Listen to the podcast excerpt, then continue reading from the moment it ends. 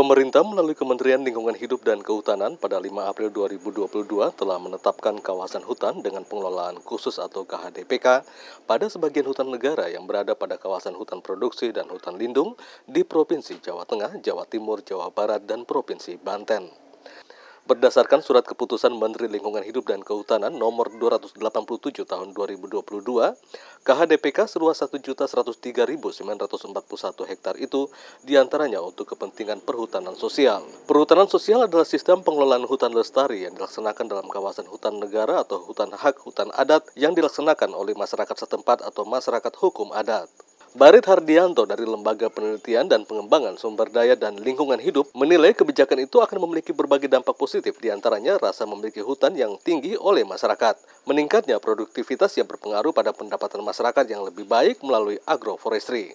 Jadi kemiskinan yang terjadi di 5.400-an desa yang ada hutannya, yang diklaim negara sebagai kawasan hutan negara, di mana mereka miskin dengan adanya perluasan akses ini ke HDPK ini akan maka akan membuat pendapatan akan lebih tinggi bagi masyarakat. Kata Barit Hardianto dalam webinar Forum Pojok Desa bertema KHDPK sebagai keadilan untuk pengelolaan hutan di Pulau Jawa Selasa 16 Agustus.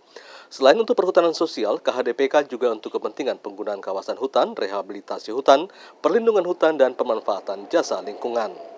Ketua Asosiasi Pengelola Perhutanan Sosial se-Indonesia atau AP2SI, Roni Usman Kusmana, mengatakan pelibatan masyarakat dalam perhutanan sosial memunculkan perbaikan lingkungan seperti berkurangnya kasus kebakaran hutan dan lahan di kawasan konservasi Kamojang, Garut, Jawa Barat. Kebakaran itu hampir mungkin tidak ada lagi karena mereka sendirilah yang menjaga, merawat. Kata Roni Usman.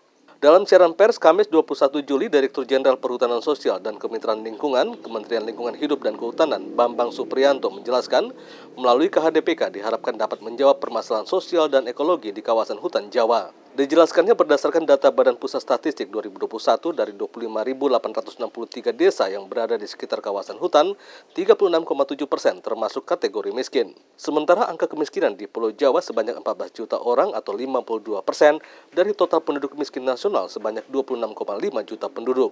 Selain itu, dari 2,1 juta hektar lahan kritis di Jawa, 472 ribu hektar berada di dalam kawasan hutan. Nah, kondisi itu Bapak dan Ibu membuka kesadaran bersama untuk memperbaiki ya kebijakan pengelolaan hutan di Jawa yang sebagian besar itu dikelola oleh perhutani. Dia mengatakan dengan kebijakan KHDPK dapat mengatasi permasalahan masyarakat di kawasan hutan.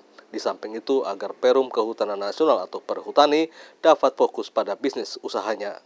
Dari Kabupaten Poso, Sulawesi Tengah, Yohanes Lita melaporkan untuk VOA Washington.